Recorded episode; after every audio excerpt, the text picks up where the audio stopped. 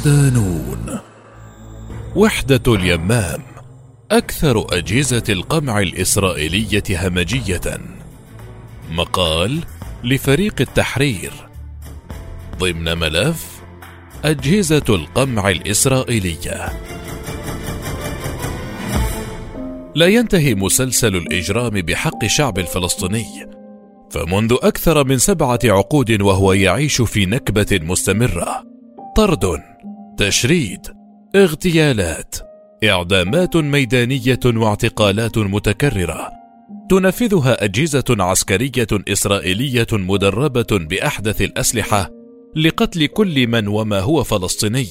في ظل حكومة يمينية متطرفة تشرعن التصفيات الميدانية لمكافحة الإرهاب كما تدعي. في مواجهته لشعب أعزل لا يملك سوى الحجر. طور الاحتلال الإسرائيلي وحدات قمع للشعب الفلسطيني فلم يكتف بجيشه الهمجي ذي العدد والعتاد لكنه تمادى بإنشاء وحدات مساعدة لعملياته في القمع والاغتيال للشعب الفلسطيني. فتراه ينشئ الوحدات العسكرية التي تتبع بالعادة للأجهزة العسكرية الرئيسية في دولة الاحتلال الجيش حرس الحدود الشرطة الاستخبارات أو الشباك ويصرف لها ميزانيات كبيرة ما يشجع المئات للانتساب لها. ازدادت عمليات التصفية الميدانية الفترة الأخيرة في شمال الضفة الغربية وصار يتردد كثيرا على مسامعنا في نشرات الأخبار أن مجموعة من جيش الاحتلال برفقة وحدات خاصة اغتالت الشبان الفلسطينيين وقامت بتصفيتهم ميدانيا. ومن هذه الوحدات اليمام سايرت ميتكال وحدة دوفدوفان وغيرها. ومن هذه الوحدات اليمام سايرت ميتكال وحدة الدوفدوفان وغيرها. سنخصص في نون بوست ملف أجهزة القمع الإسرائيلية للحديث عن وحدات الاغتيالات والقمع المرافقة لقوات الاحتلال والتي باتت تتصدر المشهد بوحشيتها وهمجيتها فهي المسؤولة بشكل مباشر عن ارتقاء الشهداء الفلسطينيين. مادتنا الاستهلالية في هذا الملف ستكون عن أكثر الوحدات همجية، خاصة أنها الأقدم وذات ماض دموي، هي وحدة اليمام. يتصدر جهاز وحدة اليمام منذ عقود قائمة الأجهزة العسكرية الإسرائيلية متخذا من تعريفه المستحدث الوحدة العملياتية القطرية لمكافحة الإرهاب أداة عسكرية ذات ماض وحاضر مشينين ضد الفعل الفلسطيني المقاوم. فما هي وحدة اليمام؟ وكيف تعمل؟ وما هي سياستها في التعامل مع المقاومين الفلسطينيين؟ وكيف استطاع المقاومون توجيه ضربات قاسية للوحدة وقاداتها؟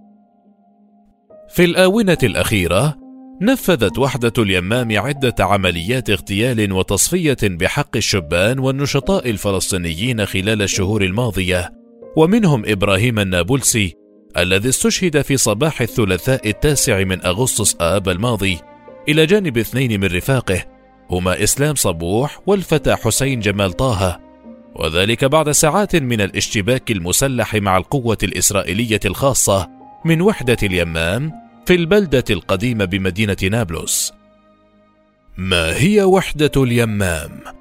تعتبر الوحدة بشكل رسمي الوحدة الوطنية لمكافحة الإرهاب، ورغم أن اليمام تشبه الوحدات التابعة لجيش الاحتلال بتنظيمها وقدراتها، إلا أنها وحدة تعمل في إطار شرطة الاحتلال الإسرائيلي لتنفيذ العمليات الخاصة مثل الإنقاذ، اغتيالات دقيقة، ملاحقة وأسر المقاومين وتنفيذ عمليات خاصة وتماثل في قدراتها وتدريباتها وحدة العمليات الخاصة التابعة لرئاسة أركان جيش الاحتلال سايرت متكال والتي سنأتي على ذكرها ضمن هذه السلسلة. وتتكون الوحدة من المقاتلين القدامى الذين خدموا في وحدات قتال النخبة التابعة لجيش الاحتلال ويرغبون في استكمال مسيرتهم ضمن سلك الشرطة ويعتبر الشرط الأساسي للانضمام إلى هذه الوحدة وجود خبرة تقدر بثلاث سنوات من الخدمة كجندي مقاتل. سبب تأسيس الوحدة وتطويرها. سبب تأسيس الوحدة وتطويرها.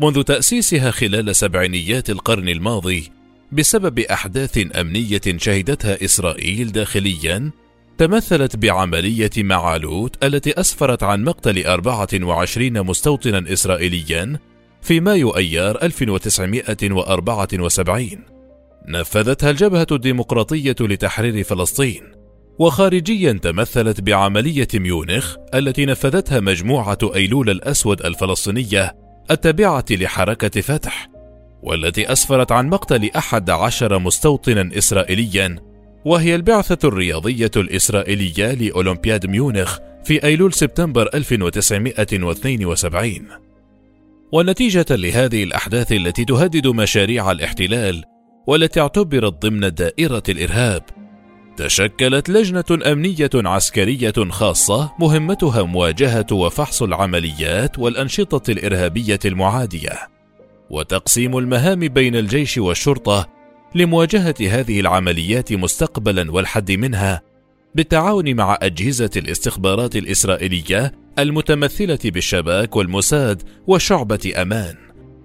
وعلى إثر اللجنة، تولت الشرطة المهمة الموكلة لها بمواجهة كل عمل أو نشاط يصنف ضمن الإرهاب، وبالتحديد داخل الخط الأخضر، إذ قامت بتشكيل وحدة شرطية خاصة للقيام بذلك لقائد حرس الحدود في حينه داني حاييم.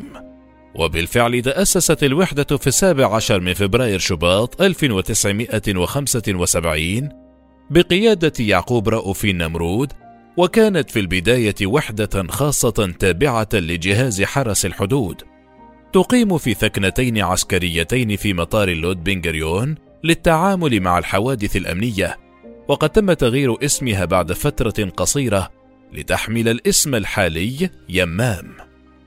شغلت عدة شخصيات عسكرية وأمنية منصب قائد هذه الوحدة فحسب موقعها الإلكتروني الرسمي تعرض أسماء القادة ومدة تسلمهم لهذا المنصب.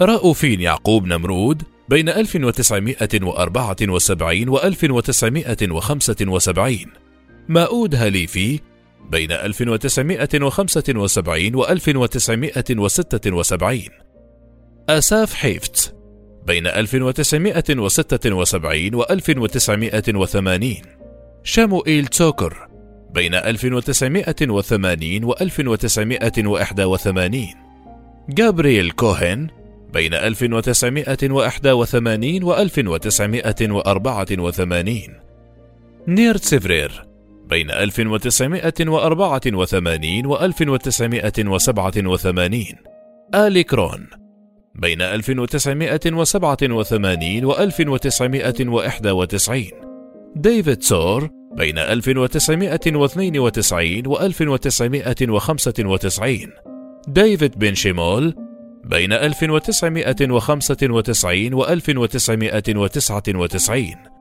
حجاي بيلغ بين 1999 و 2001 زوهر ديفير بين 2001 و 2007 يورام هاليفي بين 2007 و 2009 بوعز هارشكوفيتس بين 2009 و 2012 وأخيرا رئيسها الحالي الذي يشار إليه بالرمز حا العمليات التي شاركت بها الوحدة بين السنوات 1978 و 2000 شاركت وحدة اليمام ومنذ بدايات تأسيسها في التصدي للمقاومين الفلسطينيين الذين نفذوا عملية الشاطئ عام 1978 وكانت الشهيدة دلال المغرب من أبرز المقاومين المشاركين حيث كان هناك تنسيق كبير بين الجيش واليمام.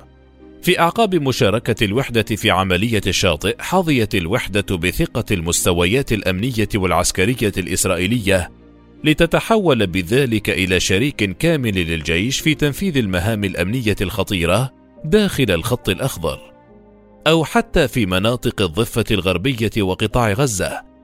وأصبح مقرها الرئيسي في مشمار آيالون. وبعدها شاركت في الانتفاضة الفلسطينية الأولى عام 1987 انتفاضة الحجارة كوحدة خاصة لتنفيذ عمليات تصنف إسرائيليا بأنها عمليات مركزة ودقيقة، وهي تنفيذ اغتيالات لشخصيات ونشطاء فلسطينيين من خلال رفع مستوى التنسيق بين الوحدة والشباك المسؤول من ناحية استخباراتية عن المناطق الفلسطينية المحتلة منذ عام 1967 وفي مارس آذار 1988 أوكلت إلى الوحدة من ضمن وحدات أخرى للشرطة والجيش والقوات الخاصة الإسرائيلية مهمة القضاء على منفذ عملية ديمونا حيث اختطف ثلاثة فدائيين فلسطينيين حافلة تقل عاملين في مفاعل ديمونا النووي. باحثي مجمع الأبحاث النووية في المفاعل وقطع الطريق عليهم ومنعهم من الوصول إلى المفاعل وتخليص الإسرائيليين أيضا. وهي العملية التي منحت الوحدة ثقة وثقلا في أوساط القيادتين العسكرية والأمنية خصوصا في ظل تزايد قدرتها على التعامل مع مثل هذه الأحداث. سنوات الانتفاضة وحتى يومنا هذا. منذ اندلاع الانتفاضة الثانية تركز عمل الوحدة الرئيسي في تنفيذ عمليات اغتيال وتصفية النشطاء والقيادات الميدانية العسكرية والتنظيمية للفصائل الفلسطينية في المحافظات الفلسطينية كافة حيث نفذت مئات العمليات المركزة والدقيقة اغتالت فيها مئات الفلسطينيين الذين صنفتهم أجهزة الأمن الإسرائيلية كخطر حقيقي. ومن هذه الاغتيالات كان اغتيال الشهيد الدكتور ثابت ثابت أحد قادة حركة فتح عام 2000 وفي عام 2002 اغتالت هذه الوحدة بالاشتراك مع مجموعة من الشباك والجيش خمسة من قادة ومجاهد كتائب القسام. بعد محاصرة المنزل الذي كانوا يتحصنون بداخله في الضفة الغربية كما اغتالت الشهيد القائد عبد الله القواسمة مسؤول كتائب القسام في الخليل. والذي أشرف على تنفيذ العديد من العمليات النوعية ضد الأهداف الإسرائيلية والتي أسفرت عن مقتل أكثر من 63 مستوطنا إسرائيليا وجرح أكثر من 235 ازداد نشاط هذه الحركة بشكل كبير خاصة في ملاحقة منفذ العمليات الفردية خلال العقد المنصرم وتصفيتهم. تحديدا منذ العام 2014 ومرافقة وحدات الجيش في عمليات الاقتحام الليلية للمخيمات والقرى والمدن الفلسطينية. فقد قامت الوحدة باغتيال الشهيدين أشرف نعالوة وصالح عمر البرغوثي اللذين نفذ كل بمفرده عمليتين نوعيتين ضد الاحتلال عام 2018 عملية البركان وعفرة. وقد برز دور الوحدة بشكل كبير خلال الاقتحامات الأخيرة لمناطق الضفة الغربية والتي خلفت عشرات الشهداء الذين تمت تصفيتهم بشكل مباشر. الاغتيالات الأخيرة في مخيم جنين والاغتيالات في البلدة القديمة في نابلس وهم القادة الميدانيون من عرين الأسود. كما شاركت الوحدة في عمليات البحث عن أسرى سجن جلبوع الستة العام الماضي تحت بند الاعتقالات شديدة الخطورة كأحد المهام الموكلة للوحدة. في المقابل قتل العشرات من أفراد الوحدة خلال العمليات التي نفذتها الوحدة منذ تأسيسها حتى اليوم. تصريحات القادة السياسيين حول وحدة اليمام.